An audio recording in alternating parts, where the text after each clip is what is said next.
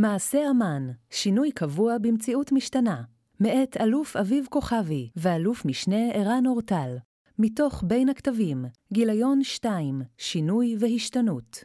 ציטוט: לא החזקים ביותר ולא האינטליגנטים ביותר הם ששורדים, אלא אלו המגיבים בדרך הטובה ביותר לשינוי. סוף ציטוט. צ'ארלס דרווין. מבוא מעשה אמ"ן הוא תהליך חשיבה אסטרטגי ושינוי ארגוני המתנהל באמ"ן מאז 2011. מטרת מאמר זה כפולה. מצד אחד, לאפשר לקהל הקוראים הצצה חטופה בשינוי שעבר ועובר אגף המודיעין בשנים האחרונות. הצצה מוגבלת, כמובן, מטעמי ביטחון המידע עליו אנו מצווים. הצצה זו תאפשר לקורא לקבל מושג לגבי השינויים באגף המודיעין, אך גם, ואולי בעיקר, תאפשר לו להבין כיצד בכירי האגף מבינים ומפרשים את העולם המשתנה מסביבנו, ואת האתגרים הנובעים ממנו לקהילת הביטחון הישראלית. מהצד השני, המאמר עוסק בשינוי עצמו כצורך קיומי, כתהליך מחשבתי וארגוני, וכתפיסת עולם. אין אנו מתיימרים להציג תהליך מושלם, ואיננו חושבים שאמ"ן או כל ארגון אחר הגיע או יגיע באמצעות התהליך אל המנוחה ואל הנחלה. שינוי הוא דבר קבוע, החייב להתנהל באופן שגרתי. זהו המסר המרכזי של מאמר זה, לצד זאת שנדרש לנהל אותו בתבונה ועל פי מספר עקרונות מפתח. מכאן תקוותנו כי הצגת הדברים תעודד את קהילת המפקדים ומקבלי ההחלטות לאמץ משהו מגישה זו, כפי שהתבטאה בדף ראש אמ"ן מספר 1 ממאי 2011. עם כניסתי לתפקיד הדגשתי את הצורך להתמודד עם אתגר המציאות המשתנה. לעתים השינויים לינאריים ובעלי מגמות מובחנות, ולעתים כאוטיים או כאוטיים לכאורה ולמראית עין. כך או כך, מימד ההתהוות והשינוי המתמיד הוא המאפיין הבולט ביותר במציאות בה אנו חיים. טבע העימותים משתנה, המלחמה לובשת צורה מחודשת, ולצד איומים חדשים צצות ועולות הזדמנויות רבות. יעד מרכזי שהדגשתי הוא ההכרח של אמ"ן, כמו כל ארגון מודרני, להיות בעל יכולת השתנות קבועה, לשם התאמתו למציאות המשתנה. היכולת להגיב לשינויים במהירות עשויה להתברר כחשובה יותר מקביעת יעדים ארוכי טווח, שממילא יצטרכו להשתנות בהקדם. לפיכך, על אמ"ן להיבנות כך שתכונתו המרכזית תהיה היכולת להשתנות במהרה, ובכך להבטיח שהארגון יהיה רלוונטי, מותאם למציאות, ובעל יכולת השפעה עליה. לאור שתי מטרות אלה בנוי המאמר משני חלקים מרכזיים. החלק הראשון יעסוק במעשה אמן, מקורות ההכרה בחיוניות השינוי, עיקרי השינויים ועיקרי התהליך. החלק השני יעסוק בהשתנות עצמה, מה מאפשר לארגון לקיים תהליך מוצלח של בחינה עצמית והשתנות. בחלק ב' ננסה לסכם את עיקרי התובנות והעקרונות שהתגבשו אצלנו באשר לשאלה זו. חלק א', מעשה אמן. הרקע לתהליך מעשה אמ"ן לא נולד מתוך ריק. מי שעקב מבחוץ אחר הנעשה באגף המודיעין בצה"ל בעשורים האחרונים, יכול היה להבחין בשינויים, מחשבות ובסימנים של אי נוחות שצצו ועלו מעת לעת. בסוף שנות ה-90 ותחילת העשור הקודם, למשל, החליט אמ"ן כי הוא נדרש להתמקד במודיעין האסטרטגי, אווירת ההסדרים שאפיינה את שנות ה-90 בכלל, התהליך המדיני עם הרשות הפלסטינית בפרט, והמודעות הגוברת לאיום המתהווה באיראן. הביטוי האופרטיבי של השינוי כלל החלטה להעביר יחידות איסוף שנחשבו טקטיות מאמ"ן לידיים אחרות. כך העביר אמ"ן את יחידת המזל"טים שלו לחיל האוויר, וחלק מיחידות התצפית שלו לידי זרוע היבשה. שינוי נוסף ידע אמ"ן במחצית הראשונה של העשור הקודם. כפי שקורה מעת לעת, תחת הקשר של קיצוץ תקציבי בצה"ל, נדרש אמ"ן למהלך חד וכואב של קיצוץ.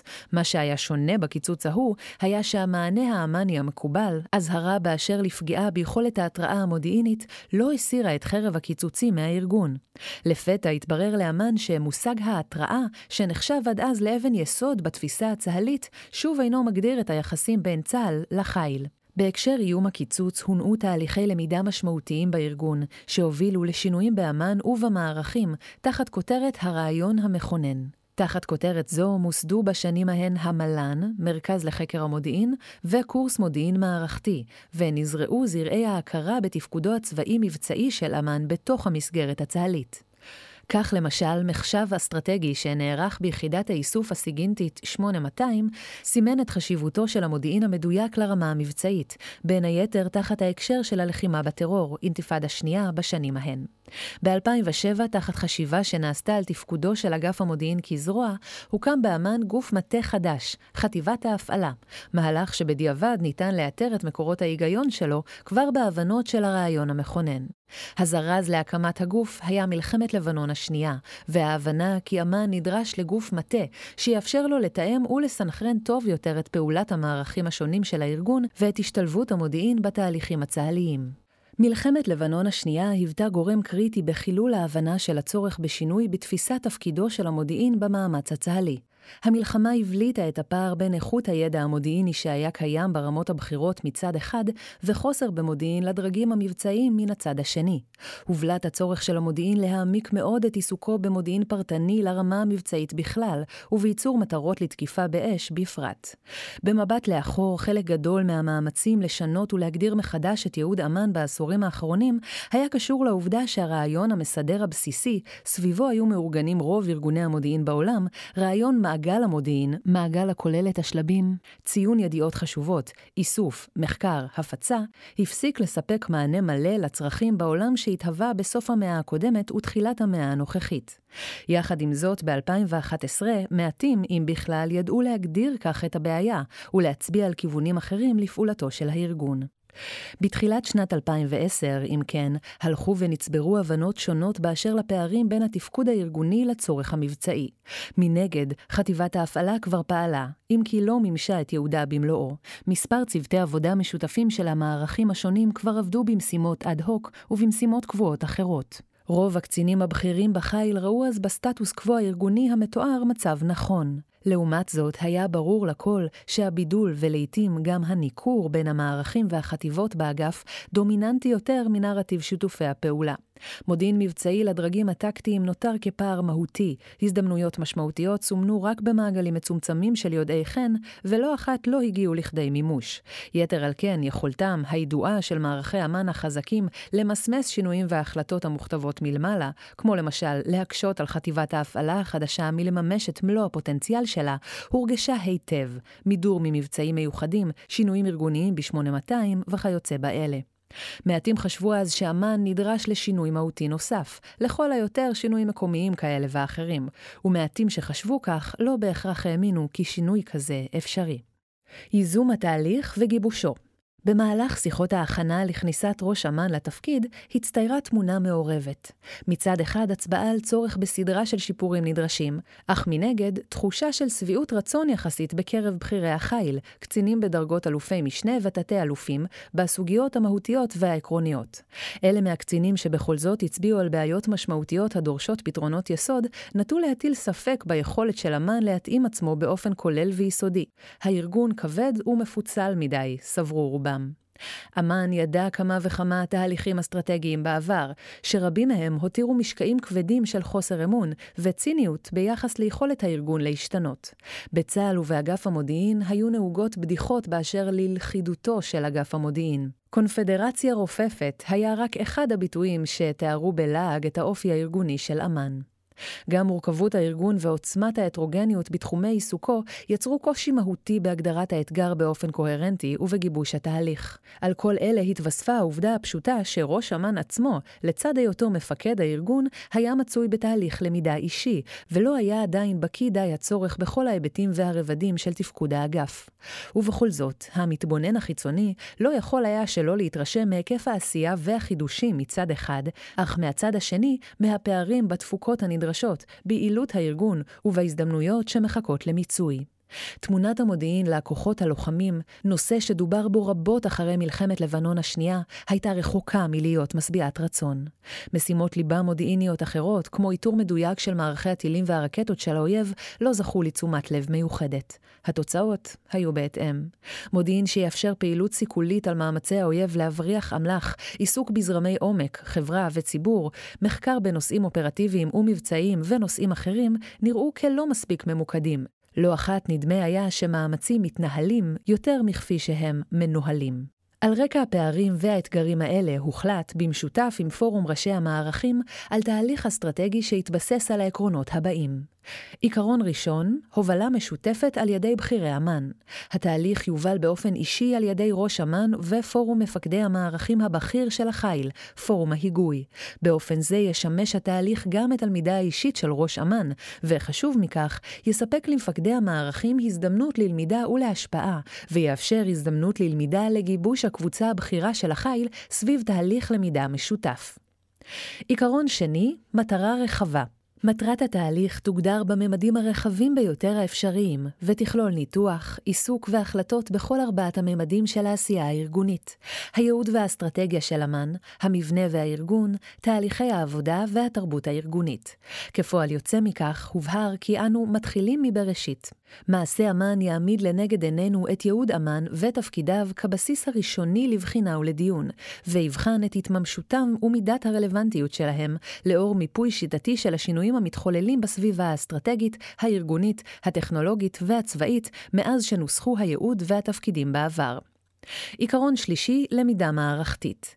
קיומו של תהליך למידה מתקדם המבוסס על תיאוריה של למידה מערכתית.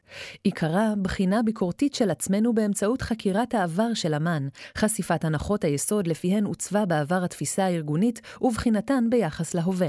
פערי הרלוונטיות שנחשפים בשיטה זו מחייבים את התהליך להתקדם מן העבר וההווה לעבר העתיד, ולגבש את הפוטנציאל לדרכי הפעולה הנדרשות להעמדת הנחות יסוד ותפיסות פעולה רלוונטיות יותר. יותר. עיקרון רביעי, תהליך בשלושה שלבים. לתהליך נקבעו שלושה שלבים עיקריים, עיצוב, תכנון ומימוש. שלב העיצוב, שלב של ברור ולמידה, שבסופו מתקבלות החלטות עקרוניות ומרכזיות הנוגעות למציאות הרצויה, ולשינויים המרכזיים המתחייבים על מנת לממש אותה. בהשאלה מעולם אחר, זהו שלב האדריכלות של מיזם בנייה. שלב התכנון, שלב מעשי, הכולל סדרה של פעולות מפורטות, גאנט ביצוע וחלוקה לכוחות ומשימות שנועדו לצקת תוכן מעשי ולאפשר את מימוש החלטות שלב העיצוב. בהשאלה, זהו שלב התכנון ההנדסי המפורט של פרויקט בנייה. שלב המימוש והביצוע. בשלב זה מיישמים את התוכניות שהוכנו, מוציאים את הרעיונות מהכוח אל הפועל, תוך ביצוע מעקב ובקרה אחרי הדברים, והחזרת חלקם אל שולחן הדיונים והשרטוטים על פי הצורך. עיקרון חמישי, שיתוף מרבי. שילוב מקסימום קצינים בתהליך, מדרגות ותחומים מגוונים, על מנת להיחשף לזוויות ניתוח שונות, לידע העשיר שנצבר אצלם, ועל מנת להעצים את ההזדהות עם התהליך במעגלים רחבים יותר. עיקרון זה מומש באמצעות צוותי משנה שהוקמו תחת כל מפקד מערך בתחום טיפולו. בהמשך הציגו צוותים אלה את עבודותיהם לפורום ההיגוי. בנוסף, לאורך כל התהליך התנהלו סדרה של כנסים, סקרי משרתים ושיחות קבוצתיות. עיקרון שישי, הסתכלות בו זמנית לתוך הארגון ומחוצה לו. התהליך תוכנן תוך הפנמה עמוקה שאמ"ן אינו עומד בפני עצמו. אגף המודיעין מהווה חלק מצה"ל וממערכת הביטחון. תפקידו ותפקודו בתוכה הם גורמי מפתח לבחינה העצמית שלו. לכן חיוני היה להזין את התהליך בתובנות כלל צה"ליות הרלוונטיות לאמ"ן. תחת היגיון זה שותפו בתהליך קצינים מאגף התכנון, זרוע היבשה, מפא"ת וחיל האוויר, על מנת לספק את נקודת השקפתם הייחודית לחשיבה החילית. התהליך תוכנן באופן שתוצריו, עיתוים ותוכנם, יוכלו להשתלב בתהליכי בניין הכוח הרב-שנתיים של צה"ל ולהשפיע עליהם. עיקרון שביעי, למידה מתפתחת במציאות מתהווה. זמן קצר לאחר שסוכמו התהליך ומבנהו, פרצה הטלטלה במדינות המזרח התיכון. עם הטלטלה ובלעדיה, ברור היה שהתהליך לא יהיה קצר, ותחומים וצרכים ימשיכו להשתנות ולהתפתח בעודו מתנהל. העיקרון שנקבע כלל גמישות, ויכולת להמשיך ולהשתנות גם תוך כדי התהליך. יותר מכך, ארגון כמו אמ"ן אינו יכול לעצור מלכת בעוד שבכיריו מקיימים תהליך למידה אסטרטגית. לצד תהליך המחשב המתוכנן הוגדרו יעדים ברורים, כמו מוכנות למלחמה, עדיפות האיסוף בזירות השונות, רעיונות מערכתיים אותם יש לממש. אלו סיפקו מצפן למיקוד העשייה המודיעינית בכלל המערכים. על בסיס התובנות שהצטברו בקבוצת העבודה במרכז לחקר המודיעין בראשותו של דוקטור עמוס גרנית ודיוני פורום ההיגוי, גובשו עשר קבוצות המחקר וההעמקה סביב הנושאים הבאים מיפוי והגדרת השינויים בסביבה האסטרטגית והאופרטיבית, השינוי בטבע העימותים, בהובלת ראש חטיבת מחקר, מיפוי כיווני המענה הצה"ליים הקיימים והמתפתחים בבניין הכוח, בראשות ראש אמ"ן, ברור וחקירה של הפוטנציאל הטכנולוגי המתהווה בעולמות המודיעין והצבא, בראשות איש מחקר ופיתוח, מגמות מערכתיות ביריבים ובסביבה כמושאים לאיסוף מודיעיני, כלומר האתגרים שהאויבים מציבים לנו בהיבט המודיעיני, בראשות ראש חטיבת הפעלה, הסייבר שבתוכנו, כיצד יכול הארגון למצות טוב יותר את הפוטנציאל הגלום ביכולות הרשתיות של המאה ה-21 בראשות ראש המל"ן, הסייבר כמימד אסטרטגי ואופרטיבי חדש בראשות מפקד 8200, מימד הלוחמה החסויה בראשות ראש חטיבת ההפעלה, מגמות חברתיות וכלכליות ומתאר המשאבים המשפיע על אמ"ן בראשות קצין המודיעין הראשי, אמ"ן וקהיליית המודיעין הרחבה בראשות מפקד 8200, והצורך בשינוי תפיסות ומגדירים ארגוניים בראשות ראש המל"ן. כל ראש תחום בנה לעצמו צוות שכלל אלופי משנה וסגני אלופים, מאמ"ן אך גם מכלל צה"ל, ובעזרתם גיבש את המלצותיו. קבוצת הלמידה הבכירה, פורום ההיגוי, התכנסה במהלך החודשים מרץ עד אוגוסט 2011. בפני הפורום הוצגו העבודות המפורטות של עשר קבוצות החקירה, לרוב במהלך שדרש יותר מדיון אחד או שניים. לא פעם נדרשו הקבוצות לחזור ולהשלים את עבודתם לאור שאלות והבנות שהתעוררו בדיון. הדיונים עצמם חרגו מכללי הטקס הנהוגים בצבא. הקבוצה קיימה דיונים ערים, לא פעם סוערים, מבלי שנשמר סדר דוברים קבוע או סבב התייחסויות מסודר. המתבונן מהצד יכול היה לחשוב כי מדובר בקבוצה וכחנית שאינה מתקדמת לשום מקום. בפועל, התקדמו הדיונים ויצרו יש מאין, ומעת לעת הובילו לפריצת דרך ויצירת תובנות חדשות. הדיונים הסוערים לא רק שסייעו ללבן ולהעמיק בנושאים רלוונטיים, אלא שחשפו את המתחים הפנים-ארגוניים, את הנחות היסוד הסמויות של התנהלות אמ"ן, את סיפורי ההחמצות המאפיינים כל ארגון, ובעיקר את מרחבי ההזדמנות והתסכול שסימנו חברי הקבוצה הקבוצה כנובע מהמתח שבין רצונם לפעול לבין יכולתם. ככל שחלף הזמן וככל שהתקדם תהליך הלמידה, נכנסנו למרחב חוסר הנוחות, והלכנו וגיבשנו לעצמנו הבנות באשר לפערים מחד גיסא, ולמציאות הרצויה לנו מאידך גיסא. עיקרי התובנות שגובשו בשלב העיצוב והרעיון המסדר לאמן. בסיכומו של תהליך הלמידה והעיצוב, פועל יוצא של עבודה מאומצת שדרשה למעלה ממאה שעות דיונים של הצוות הבכיר ומאות שעות בעבודת צוותי המשנה, כונסו התובנות למסגרת מסדרת שאפשרה התקדמות לשלב התכנון. את ההבנות כינסנו בסדר הבא השינויים העיקריים בסביבת הפעולה והמשמעויות מהם, האתגרים והמתחים הנוכחיים באמ"ן ביחס לשינויים שזוהו, הגורמים המאפשרים שנחוץ לטפל בהם על מנת להתמודד עם האתגרים שסומנו, ודגשים ארגוניים ותרבותיים שבלטו במהלך הדיונים בנושאים שנחוץ לטפל בהם. השינויים ומשמעותם התפתחות האיום הרקטי על העורף באופן אקספוננציאלי ובהיקף, בטווח ובדיוק, היטמעות באזורים מאוכלסים באופן שמאיים על העורף האזרחי ומרחיב מאוד את מרחבי הלחימה הצפויים, היעלמות האויבים בתווך הבנוי והתת-קרקעי, היעלמות שנועדה למנוע מכוחותינו את היכולת לאתרם ולפעול מולם. העלייה הדרמטית בהיקף זירות העניין של המודיעין ומשימותיו, במקביל לתהליך התחוללה הטלטלה באזור מצרים וסיני, סודאן, סוריה, ארגוני טרור, ועיסוקים דוגמת העברות חברות האמל"ח ממדינות רחוקות לארגוני הטרור. הרשתיות של האויב, העובדה שארגוני הטרור ומדינות החסות שלהם משתפים פעולה באופן הדוק ורשתי. תופעת הדה-לגיטימציה כנשק תודעתי ופוליטי בידי אויבינו. הטלטלה האזורית שמחייבת הפניית תשומת לב לא רק לזירות חדשות, אלא גם לקהלים ולשחקנים חדשים בתוך הזירות, לרבות הציבור הערבי בכללותו. ועלייתו של מימד הסייבר כתחום מודיעיני, צבאי וארגוני שנודעת לו חשיבות היסטורית. ממיפוי השינויים העיקריים הפקנו סדרה של משמעויות קונקרטיות עמה נידרש להתמודד אגף המודיעין. את המסקנה העיקרית כינינו בפשטות מודיעין בשישית. אמ"ן נדרש לעלייה חדה בהיקף המודיעין הנדרש, שחלקים ממנו מסוגים חדשים בהם כמעט ולא עסקנו עד כה. המודיעין יצטרך להיות מגוון יותר, בדגש על מקורות המודיעין, כתוצאה מההטרוגניות הרבה של יעדי האיסוף ותחומי העניין. אמ"ן יצטרך לשים דגש רב ונרחב למודיעין אופרטיבי ולמודיעין מבצעי. ובהמשך לנקודה האחרונה, המודיעין יצטרך להיות ברזולוציות גבוהות הרבה יותר, כדי שיעשה בו שימוש בלחימה.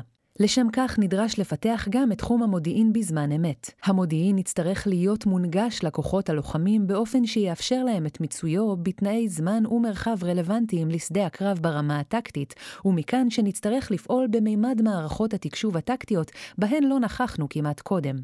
הנגישות ומהירות העברת המידע נדרשים להשתנות ביחס לדרגים הטקטיים, אך גם ביחס לבכירים. מסקנה מרכזית נוספת הייתה הבנתנו כי מתוקף היותו הגוף הדומיננטי והמנוסה בתחום, אמ"ן יצטרך ליטול תפקיד של הובלה בהמשך כניסתו של צה"ל לממדי הפעילות בסייבר. הדגש החדש על מודיעין זמן אמת, מודיעין מבצעי, הכניסה האסטרטגית לתחום הסייבר, והצורך להתמודד עם האיום הרקטי המתגבר והעברות האמל"ח לידי האויב, כל אלה גיבשו אצלנו הבנת-על חשובה נוספת. אמ"ן נדרש לחרוג מהמסגרת המודיעינית המסורתית, זו שמסתפקת בתיאור האויב, ולהיכנס לתוך עולם ההשפעה על האויב. אמ"ן הופך לשותף במאמץ ההכרעה של צה"ל במלחמה, ובעולם ההשפעה על הסביבה במערכה שבין המלחמות. האתגרים מיפוי השינויים בסביבה ומשמעויותיהם לגבי אמ"ן אפשר לנו לעמוד על המתחים והאתגרים שנוצרו בין האופן בו אמ"ן מתפקד בהווה לבין הצרכים והשינויים שזיהינו. בין האתגרים שזוהו היו המודיעין המבצעי, אם בעבר די היה לספק לדרג הטקטי את מיקומן הכללי של יחידות האויב הפרוסות במרחב ואת הטול הבסיסי שלהן, הרי שהיום, כשהאויב מסתתר ונעלם, שוב אין די בתיאור כללי של מיקומו ואופיו. המשמעות היא שסדר העדיפויות והמיקוד באמ"ן יצטרך להשתנות, ולא על חשבון נושאי איסוף חיוניים מסורתיים. האופן בו אמ"ן נבנה על מנת לתמוך בצרכי המודיעין של הדרגים הטקטיים צריך יהיה להשתנות, הן ברמת מערכי האיסוף, הן ברמת המטה המרכזי המרכזי המעבד, מכווין ומפיץ, והן ברמת יכולת ההנגשה של המודיעין ליחידות. יידרש שינוי טכנולוגי, שינוי ארגוני ושינוי תרבותי עמוק. מתוך מתח זה צמחה תפיסת הלוחמה המבוססת המודיעין, הלוחמם. בהמשך היא הוגדרה כלוחמה במיצוי מודיעין. האתגר של אויב רשתי ובין זירתי. לאורך השנים היה אמ"ן מאורגן בעיקר באמצעות זירות אזוריות. צורת ארגון זו אפשרה העמקה מודיעינית מול מדינות האויב, והתמקצעות של אנשי המודיעין בתחומים מסוימים. האופי הרשתי והמתואם של מערכות האויב היום, אם זה חיזבאללה, משטר סורי, איראן בסוריה, ג'יהאד פלסטיני בעזה, פלסטינים בסוריה או מערכת הארגונים הג'יהאדיסטיים בכל רחבי המזרח התיכון, מחייב הסתכלות שונה, דינמית בין-זירתית ומשתנה. ואולם שבירת מבנה הזירות האזוריות על מנת להתאים את עצמנו למצב החדש, תגבה מאיתנו מחיר כבד במונחים של כיסוי מודיעיני בסיסי והתמחות של אנשי מודיעין באזורים ובארגונים העומדים בפני עצמם. הבנו שמתח זה מחייב אותנו להתארגנות גמישה יותר, שתאפשר את שימור היתרון שבארגון מתמחה זירות, אך בה בעת תאפשר גם עמידה באתגרים הבין-זירתיים הקשורים בקשרים שבין האויבים, ובפעילויות חוצות זירות, כמו ערוצים שונים של העברות אמל"ח. המתח שבין התמחות מקצועית דיסציפלינרית לשילוביות. תמיד נדרשנו לשלב מקורות איסוף שונים לצורך למידה על גורמי אויב. בעולם המסורתי ניתן היה להזין את המערכת המחקרית במקורות סיגינט, יומינט וויזינט, ולצפות שתהליך המחקר יפיק מכל אלה הבנה מודיעינית שלמה אחת. ואולם, מיפוי השינויים בסביבה לימד אותנו שהאופן המסורתי לשילוב המקורות שוב אינו מספיק. האויבים החדשים הפכו לרגישים הרבה יותר לשמירת סודותיהם, סודותיהם הפכו לנרחבים ומבוזרים, טילים, רקטות, מערכות טילים נגד מטוסים, טילי חוף ים ועוד. בהתאם, רזולוציות המודיעין הנדרשות מאיתנו, יכולות המודיעין המסכל המתקדמות שמופעלות נגדנו, מיידיות המודיעין שנדרשת, כמו למשל באירועים של העברות אמל"ח או בהתראות מפני פיגועים, כל אלה מחייבים אותנו להביא להיתוך יעיל, מהיר ובהיקף נרחב של מקורות האיסוף השונים לתמונה כוללת. המתח הארגוני, אם כן, היה כיצד לשמר את רוח היחידות והמקצועיות העצומה של מערכי האיסוף הדיסציפלינריים מצד אחד, אך מצד שני לאפשר היתוך מידע ושבירת חומות ארגוניות מצד שני. סייבר ראשית, הוסכם שיש למימד הסייבר פוטנציאל איסופי חסר תקדים. פוטנציאל זה יהווה מנוע צמיחה מרכזי לאמ"ן. הוחלט, לכן, שזהו כיוון מרכזי שיש לפתח ולהעצים, החל מהקצאת אנשים וכלה במשאבים ושיתופי פעולה בין כלל המערכים בנושא. נוסף על כך, הבנו שקיים מתח משמעותי בין ההתמחות שנצברה ביחידות אמ"ן בתחום הסייבר, לבין ייעודו של אמ"ן כגוף מודיעין. מצד אחד, אין בצה"ל גוף אחר שביכולתו להוביל את הצבא לעידן של פעילות נוספת והכרחית בתווך החדש הזה, כמו הגנה והתקפה למשל. ומצד שני, מסורתית, גוף מודיעיני במהותו אינו גוף מוביל, בוודאי לא בתחומים החורגים מיכולות האיסוף המודיעיניות עצמן. המשמעות היא שאמ"ן יצטרך לקחת על עצמו תפקיד מסוג חדש, תפקיד החורג מייעודו המודיעיני המסורתי כגוף איסוף והערכה בלבד, וזאת במקביל לשימור מהותו כגוף שעיקר עניינו הוא המודיעין. מערכות המידע וארגון התקשוב האמ"ני על מנת לממש תובנות כמו הצורך בשילוביות עמוקה, הצורך בפעילות מודיעינית חוצת זירות, הנגשת המודיעין לדרגים מבצעיים, ומעל הכל הצורך לשתף במידע את כל מי שזקוק לו, הבנו שיידרש שינוי מהותי באופן בו אנו בונים את עיקר האמל"ח המודיעיני המרכזי שלנו, מערכות המידע. אם בעבר היה כל מערך אמון בנפרד על פיתוח מערכות המידע והתשתיות הייעודיות שלו, הרי שכעת נדרשת התארגנות שונה. המתח הארגוני כאן היה מהחריפים בהם נתקלנו. מערכות ה-IT היהודיות נבנו במערכים השונים לצרכים ספציפיים, היו תפורים למידותיהם, והיו חלק מהותי ממקורות העוצמה שלהם.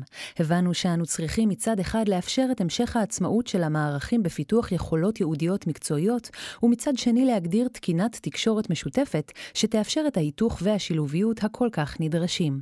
מתח זה התברר בדיעבד כאחד המתחים המורכבים ביותר לגישור, ולאו דווקא דווקא רק מטעמים של אתגר טכנולוגי.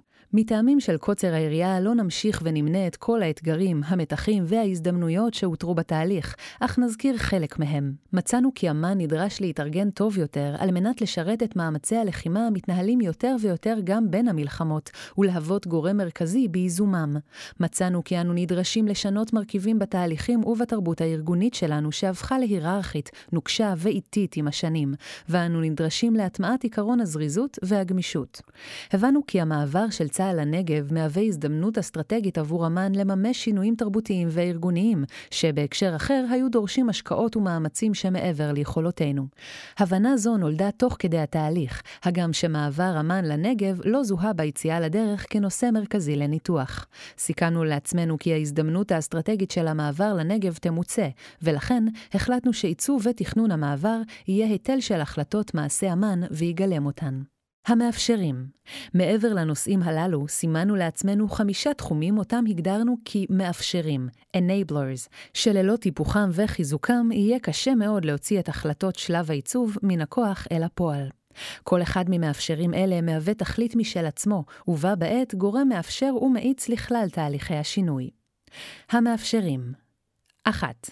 מודיעין רשתי יצירתה של סביבה קיברנטית משותפת המאופיינת בארכיטקטורה תקשובית מרכזית, פרוטוקול תקשורת, ומאפשרת פיתוח ידע ואמל"ח ייחודי במערכים, לצד שיתוף והיתוך מידע ותפקודים מבצעיים בין המערכים. 2. חיזוק המערכים וארגונם, כך שיועצם מקור הכוח העיקרי של אמ"ן, מקצועיות המערכים ופיתוח הידע בהם, ותשופר יכולתם להתנהלות פנימית יעילה יותר. 3. חיזוק וארגון מטה אמ"ן, שיפור יכולתו של אמ"ן להפעיל ולתאם את המערכים, ולמצות ביעילות את המשאבים, להכווין את בניין הכוח ואת התפוקות לאורן של משימות המחייבות ראייה והפעלה אינטגרטיבית של אמ"ן. 4. על-זירתיות, היכולת להתארגן ולנהל מאמצים מודיעיניים חוצי זירות ואזוריים, מבלי לוותר על יתרונות המומחיויות האזוריות של זירות אמ"ן הקיימות. 5. זמישות, ניצול ההתארגנות במנהלות, יחד עם שינוי עמוק בתרבות הפיקוד והניהול האמ"נית, המבטאת שיפור יכולתו של אמ"ן להגיב במהירות לנסיבות ולהתאים את פעולתו מול משימות מזדמנות, הצורך בשינויי מיקוד, הסטות מאמץ והתארגנויות ייעודיות המשתנות מעת לעת, כל זאת בקבועי זמן קצרים ובדינמיות המאפיינת את הסביבה. הדגשים הנוספים נוסף לחמשת המאפשרים, הבלטנו שלושה דגשים, בעיקרם תרבותיים, שדורשים תשומת לב וטיפול. פתיחות החוצה. אמן סיגל לעצמו במהלך השנים תפיסה עצמית שהתמקדה בתפקידו כמעריך הלאומי. הבנו כי נדרש שינוי תרבותי עמוק בארגון שבמסגרתו יפנימו המערכים, היחידות והאנשים את מהותו של אמן כמאפשר מודיעיני של פעילות צה"ל על כלל מרכיביה, ומכאן את חיוניות הקשר עם יחידות צה"ל השונות. בתוך כך הבנו את הייחודיות והחיוניות של מחלקות המודיעין הפיקודיות כמחוללי ידע שאינו יכול להתפתח מזוויות ההסתכלות של המטה הכללי. בתוך כך הבנו את הייחודיות והחיוניות של מחלקות המודיעין הפיקודיות כמחוללי ידע שאינו יכול להתפתח מזווית ההסתכלות של המטה הכללי, ואת החיוניות של הקשר הבלתי אמצעי בין מערכים ויחידות באמ"ן עם מערכים ויחידות בצה"ל, ללא תיווך ותוך שבירת חסמים, בפועל כיום עד אוגדות וחטיבות. אנשים אמ"ן נבנה על מיטב העוצמה האנושית שמדינת ישראל מסוגלת לספק. מסקרי הקצונה וראיונות שנעשו במחקרי מדעי ההתנהגות החיליים, הבנו שלא די בכך. לצד אתוס המקצועיות שהיה ועודנו דומיננטי מאוד, הבנו שאנו נדרשים לטפח ביתר שאת תרבות של פיקודיות, מנהיגות וטיפול שיטתי ויותר אישי באנשים. משאבים, הגם שכל השינויים וההרחבות הללו בתפקודים הנדרשים מאמן נדרשו משאבים נוספים, הבנו כי לא ניתן יהיה לקוות ליחס ישיר ופשוט בין היקף המשימות, הייעוד המורחב שנגזור על עצמנו, וההשקעות הנדרשות בארגון, לבין התוספת המשאבית שנקבל. לפיכך קבענו שלמעט נושא הסייבר, כלל השינויים ייעשו מתוך משאבי אמן, תוך הסטת אמצעים, ייעול שיטות ותהליכים ושינוי סדרי עדיפויות. ההיקף של תחומי העיסוק, התובנות, המתחים וההזדמנויות חייב אותנו לרכז עד כמה שניתן את מרכזי הכובד ההכרחיים שיאפשרו את מימוש כלל התהליכים והשינויים שהחלו להתהוות בשלב העיצוב. לשם כך ניסחנו את הדברים במסגרת של רעיון מסדר. הרעיון המסדר לאחר מסע למיפוי השינויים בסביבה וזיהוי הפער שנוצר בינם לבין תפקוד הארגון, היינו בשלים לחזור ולדון בייעוד ותפקידי אגף המודיעין, וברעיון שיסדיר את המשך העשייה שלנו. הרעיון המסדר כולל בתוכו לא רק את הרעיונות המופשטים אליהם כיוונו, אלא גם את הכיוונים הפרקטיים הנגזרים מהם. כלומר, מבנה התהליך הכתיב לנו ששלב העיצוב צריך להסתיים בהבנות קונקרטיות שיאפשרו בתורן את שלב התכנון הפרקטי, וממנו את המימוש. אמ"ן, אם כן, נוסף על ייעודיו המסורתיים לספק מודיעין לאומי, אסטרטגי, מערכתי ומבצעי, לקח על עצמו לפתח ולבסס תפיסה שקראנו לה לוחמה מבוססת מודיעין. הפרשנות המעודכנת שלנו למושג מודיעין מבצעי, ומאמץ מודע למשטר את העיסוק בו ולהופכו לשיטה. להוביל את הפעילות הצה"לית בממד הסייבר ואת כניסתו של צה"ל לפעילות במרחב זה, להיות שחקן פעיל במסגרת המערכה שבין המלחמות, ולפתח את תחום המודיעין על קהלים וציבורים. את ההגדרה המורחבת של הייעוד והתפקידים הארגוניים נממש באמצעות חמשת עקרונות הפעולה שתיארנו. רשתיות, על-זירתיות, חיזוק מטה אמ"ן המרכזי, חיזוק המערכים וזמישות. קביעת מנגנוני גמישות וזמינות מובנים בארגון. תרומת שלב העיצוב לכאורה סיכמנו בפסקה הקודמת את תוצרי שלב העיצוב. עם זאת, הסתכלות על השלב הזה במונחים של תרומתו התוכנית גרדה היא החמצת העניין. שלב העיצוב הוא המרכיב המכונן והמניע של תהליך השינוי ביותר ממובן אחד. ראשית, לפני שלב העיצוב הייתה התפיסה לפיה נדרש שינוי מהותי באמ"ן, נחלתם של מעטים בלבד. הדיון העיצובי בצוותים ובצוות ההיגוי הבכיר העמיד לאמ"ן כגוף מראה ברורה ומשותפת, מראה ששיקפה, לראשונה, לכולם, את הפער בין המצוי לרצוי. שנית, ההבנה שמתקיים פער בין ההתנהלות והתפוקה האמנית לבין דרישות המציאות, והבירור הנוקב על מקורות הפער הזה, הכריחו אותנו לצאת מאזורי הנוחות, הן כפרטים והן כמערכים. שלישית, רק היציאה מאזורי הנוחות הללו אפשרה לחשוף ולדון בהנחות יסוד שחלקן אף לא היו מודעות לכולנו. למשל, ההנחה לכאורה מובנת מאליה, שבאמן לכל מערך איסוף צריכה להיות יחידת IT ואפליקציות משלו. חלק מהנחות היסוד הללו שונו. רביעית, התהליך המשותף שבו התחדדו הפערים הארגוניים נטע, לפחות בקבוצת ההיגוי הבכירה, תחושה של דחיפות וצורך בשינוי, תחושה שהיוותה מנוע הכרחי להמשך התהליכים. אחד הביטויים לכך היה התנעתם של תהליכי חשיבה עצמאיים במערכים. כך, חטיבת המחקר התניעה עם התקדמות מעשה אמ"ן מחשב אסטרטגי משלה, שינוי בריבוע, שעסק בתפיסת המחקר המודיעיני. תהליך זה ניזון ממעשה אמ"ן וגם הזין אותו.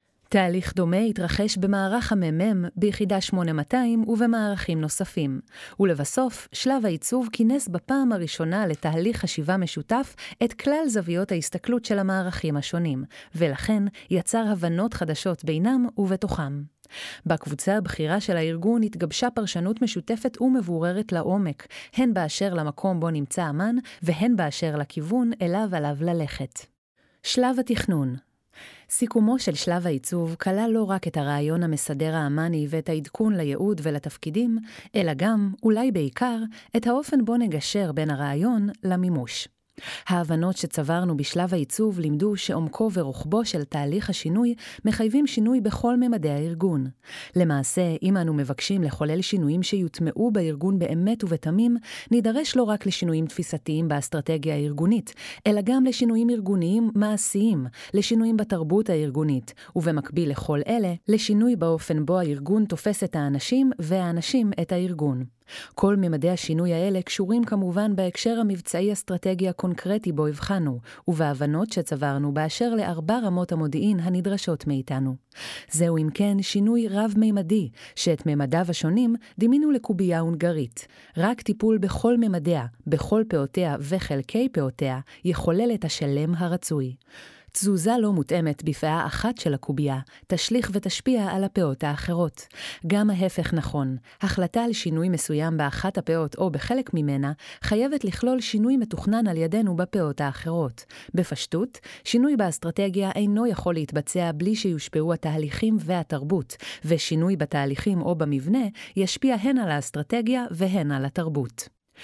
לשם כך הגדרנו עם השלמת שלב העיצוב את האופן בו ננהל את שלב התכנון המעשי. הוגדרו 13 צוותי תכנון שתפקידם לפתח את העקרונות, הכיוונים והרעיונות שניסחנו עד לאותו השלב לכדי תכנון מעשי. על מנת להבטיח את ההתקדמות לקראת יישום, הגדרנו לשלב התכנון עקרונות ברורים. תכנון בראייה מרחיבה, הצוותים הונחו לתכנן תחת הנחת חופש פעולה מלא להמליץ על שינויים ופתרונות בכל הרכיבים של שינוי ארגוני. ארגון תהליכים, תרבות, מבנה ארגוני ואף המלצה על שינויי ייעוד. למידה הצוותים הונחו לקיים תהליכי למידה משל עצמם, ולא להסתמך רק על התהליך שבוצע בשלב העיצוב. באופן זה הבטחנו בקרה וזוויות הסתכלות שונות ומעשירות תוך כדי קידום התהליכים. שילוביות, סינרגיה, צוותי התכנון הורכבו מנציגים נבחרים של כל מערכי אמ"ן הרלוונטיים לצוות, ולעיתים גם מנציגים רלוונטיים מחוץ לאמ"ן, כמו למשל מפקדי חטיבות לוחמות ששולבו בצוות הלוחמם. אינטגרציה עבודת התכנון נעה על המתח שבין התמקדות הצוותים בתחומם לבין ההשלכות והרעיונות המשותפים לצוותים שונים. למשל, הצוות שעסק במתודולוגיות איסוף חדשות הושפע והשפיע על הצוות שעניינו היה בשיטות מחקר עדכניות. את המורכבות הזו פתרנו באמצעות הדגשת הצורך שבמפגשים שוטפים בין ראשי הצוותים ובמפגשי אינטגרציה ייעודיים בראשות ראש אמ"ן. בכירות כל הצוותים הובלו על ידי מפקדים בכירים באמ"ן בדרגות תת-אלוף ואלוף משנה. היכולת של מפקדים בכירים לקיים עבודה שהיא גם משלבת וגם מערערת מוסכמות, היא כמובן שונה מזו של דרגים זוטרים יותר. יותר מכך, המעורבות הישירה והאינטנסיבית של הפורום המוביל באמ"ן במעשה התכנון, שידרה לארגון נחישות ומסר של מהלך רציני, ורתמה יותר ויותר דרגים ובעלי תפקידים לעשייה. כל הצוותים הונחו להציג את המלצותיהם באופן ברור ומעשי, ובשילוב תוכנית מפורטת, גאנט, למימוש, לרבות הנגזרות המשאביות של התוכנית. התוכניות המפורטות, פרי עבודת הצוותים, נידונו מספר פעמים בפורום ההיגוי של מעשה אמ"ן.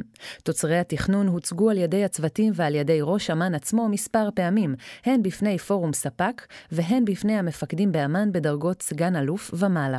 התייחסויות המפקדים נשמעו ונלמדו, ולאחר שינויים ועדכונים בעבודות הצוותים, אושרו התוכניות הפרטניות לשינויים הנדרשים באמ"ן במסגרת חוברת מסכמת בפברואר 2013. התוכניות שהוצגו כללו שינויים במבנה, בארגון ובתהליכים המרכזיים באמ"ן, כמו גם בתחומים של תרבות וגישה.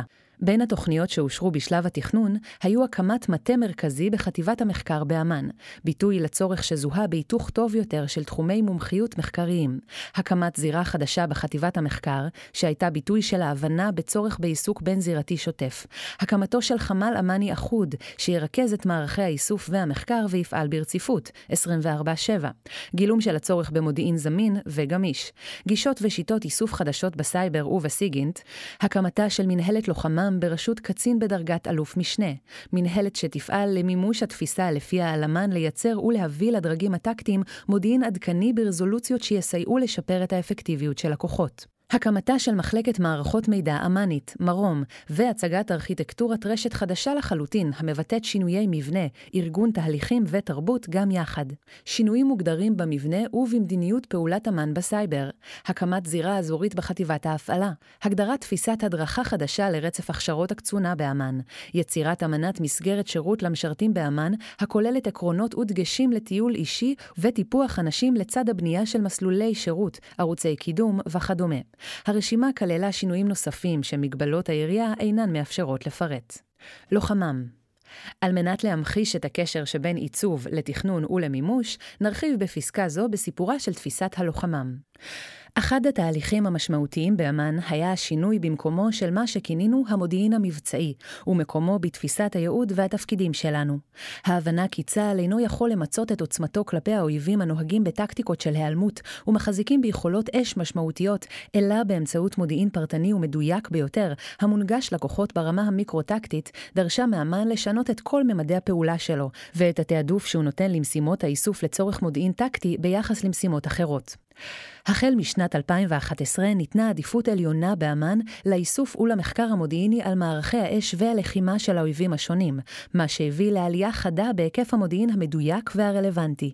על מנת לממש את תפיסת הלוחמם המשותפת עם כוחות היבשה, תוכננה סדרה של פעולות שכללה התאמת מקורות, פיתוח נגישות ייעודית למודיעין מבצעי, התאמה של מערכות מידע, השתתפות בתרגילי חטיבה ואוגדה, התאמת הגדרות בם ועוד.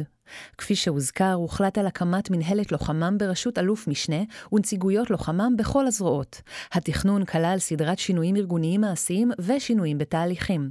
במפקדות האוגדה של צה"ל נוספו בעלי תפקידים ושולחנות עבודה מודיעיניים נוספים. עיבוי מודיעין תוכנן ובוצע בהמשך גם במפקדות החטיבות המתמרנות. מערכות המידע המודיעיניות שונו על מנת שיעמדו בדרישות המבצעיות החדשות, והן חוברו למערכות הצייד של כוחות היבשה, תוך יצירת פתרונות חדשים ומורכבים לאתגר ביטחון המידע. מערך מחקר השטח של אמ"ן קויה לדרישות החדשות, בין היתר על רקע ההבנה של מרכזיות תחום מחקר השטח לצרכים הטקטיים החדשים. בהמשך, בשלב היישום, תורגלה תפיסת הלוחמה במשותף על ידי אמ"ן וכוחות היבשה במסגרת התרגילים המרכזיים של צה"ל בשנים האחרונות, כשמאות מאנשי יחידות 8200, מערך הוויזינט החילי ואנשי מודיעין השדה משתתפים בהכנת כל תרגיל ותרגיל ובליווי התרגילים. גם את בניין הכוח נדרשנו להתאים לתפיסה החדשה. אמ"ן משקיע יותר משאבים בפרויקטים של איסוף מודיעין בזמן אמת, המיועדים לאפשר לכוחות הטקטיים מידע עדכני ביותר ברזולוציה גבוהה על כוחות האויב בשטח. תפיסת הלוחמה אינה תהליך טריוויאלי, לא לאנשי המודיעין ולא לכוחות היבשה. היא העלתה וממשיכה להעלות שאלות כמו המתח שבין הצורך במודיעין מאפשר לבין ההבנה שהחיכוך ואי-הוודאות הם יסודות קבועים בשדה הקרב, כמו המתח שבין נגישות מרבית לכוחות הלוחמים של המודיעין האיכותי ביותר, לבין הצורך הבסיסי בעולם המודיעין בביטחון מידע ומקורות, והחשש מיצירת תלות חזקה מדי של הכוחות הלוחמים במודיעין כתנאי לפעולה. כל המתחים הללו ואחרים הם נושאים להמשך פיתוח, חשיבה וניסוי משותפים של אמ"ן וזרוע היבשה. שלב היישום והמימוש רעיונות עיצוביים ותוכניות מפורטות עשויים לרדת לטמיון בתהליכי ניהול וניהוג שאינם מנוהלים כראוי. מתוך כוונה להצליח, כמו בשלבי העיצוב והתכנון, ארגנו את שלב היישום באופן שבראש כל משימה עמד ראש מערך או תת-אלוף, ונדרש לנהל אותה כפרויקט לכל דבר ועניין, ולהציג סטטוס אחת לתקופה לראש אמ"ן. סטטוס התקדמות הפרויקטים המרכזיים הוצג אחת לתקופה גם לפורום ההיגוי, ומעת לעת בוצעה חשיבה על הזיקות ויחסי הגומלין שישנם, או שנדרש נדרשים בין הפרויקטים השונים, וכפועל יוצא, האופן שבו ראוי לנהל אותם. במקביל לכך, ניהלו קצין המודיעין הראשי וראש מחלקת התכנון והארגון את ההשלכות המעשיות והפרטניות של מימוש הפרויקטים השונים ושל ההקשרים ביניהם. לפרויקטים מרכזיים כמו לוחמם, אמ"ן רשתי וסייבר, נקבעו הצגות ודיונים בתדירות גבוהה במיוחד אצל ראש אמ"ן. כדי להעשיר את הלמידה ולשפר את ניהול הפרויקט, בוצעו ימי עיון וקבוצות למידה גם במעלה דרך ההתקדמות של הפרויקטים. פרויקטים נוספים שנולדו תוך כדי תנועה, כמו פרדיגמת המודיעין, יורחב בהמשך, זכו גם הם לקשב מיוחד, למעבדת התנסות ולתקופות ניסיון, ובהמשך שוכללו ושופרו בפורומים שונים, לרבות פורום ההיגוי. העקרונות המרכזיים בניהול המימוש היו שניים. האחד, מתן קשב, זמן, לדיוני מעקב והצגת תוצרים, ומנגד גמישות, התאמה ושינוי במהלך התפתחות הפרויקטים. העיקרון השני כלל הסברה, הטמעה והנחלת התובנות בפורומים שונים, שיחות ספק, שיחות מפקדים, כנסים כלליים, כנסים ייעודיים, הרצאות בקורסים ועוד. אלו בוצעו הן על ידי ראשי המערכים והן על ידי ראש אמ"ן, כשברובן הגדול של השיחות והכנסים מוקצה זמן לשאלות, ביקורות והתייחסות כללית. בפרויקטים שהיו חוצי מערכים, רובם כאלה, ובפרויקטים שהבשילו והפכו לחוצי זרועות ופיקודים, כגון לוחמם ואמ"ן רשתי, בוצעו אחת לחודשיים שלושה דיוני סטטוס חוצי זרועות. בתחום הלוחמם למשל, מוסד פורום שלושת האלופים, שכלל את מפקד זרוע היבשה, ראש אגף תקשוב וראש ראש אמ"ן, ובעלי תפקידים מטעמם שנפגשו יחדיו וסיכמו כיווני פיתוח ובניין כוח במשותף. על רובן המכריע של המשימות בוצעה בקרה בנוהל קציני בקרה ומעקב, הן מטעם קצין המודיעין הראשי והן על ידי לשכת ראש אמ"ן. עצם קיומם של דיוני המעקב, הזמן והקשב שהוקצו להם, ובעיקר המסר מתכוונים למה שמסכמים, יצר מומנט של מעשה, להבדיל מדיבור. כמו בשלב התכנון, כך גם בשלב היישום, נותרנו ביקורתיים ופתוחים לרעיונות חדשים ולביקורת הנשמעת על הוקטורים שכבר סוכמו. שום דבר לא נתפס כמאוחר מדי. ואכן, לבטים, ביקורות ותובנות חדשות שנשמעו בשלבים אלה, הולידו פרק חדש בתהליך, מעשה אמן 1.2. על פרק זה נרחיב בהמשך.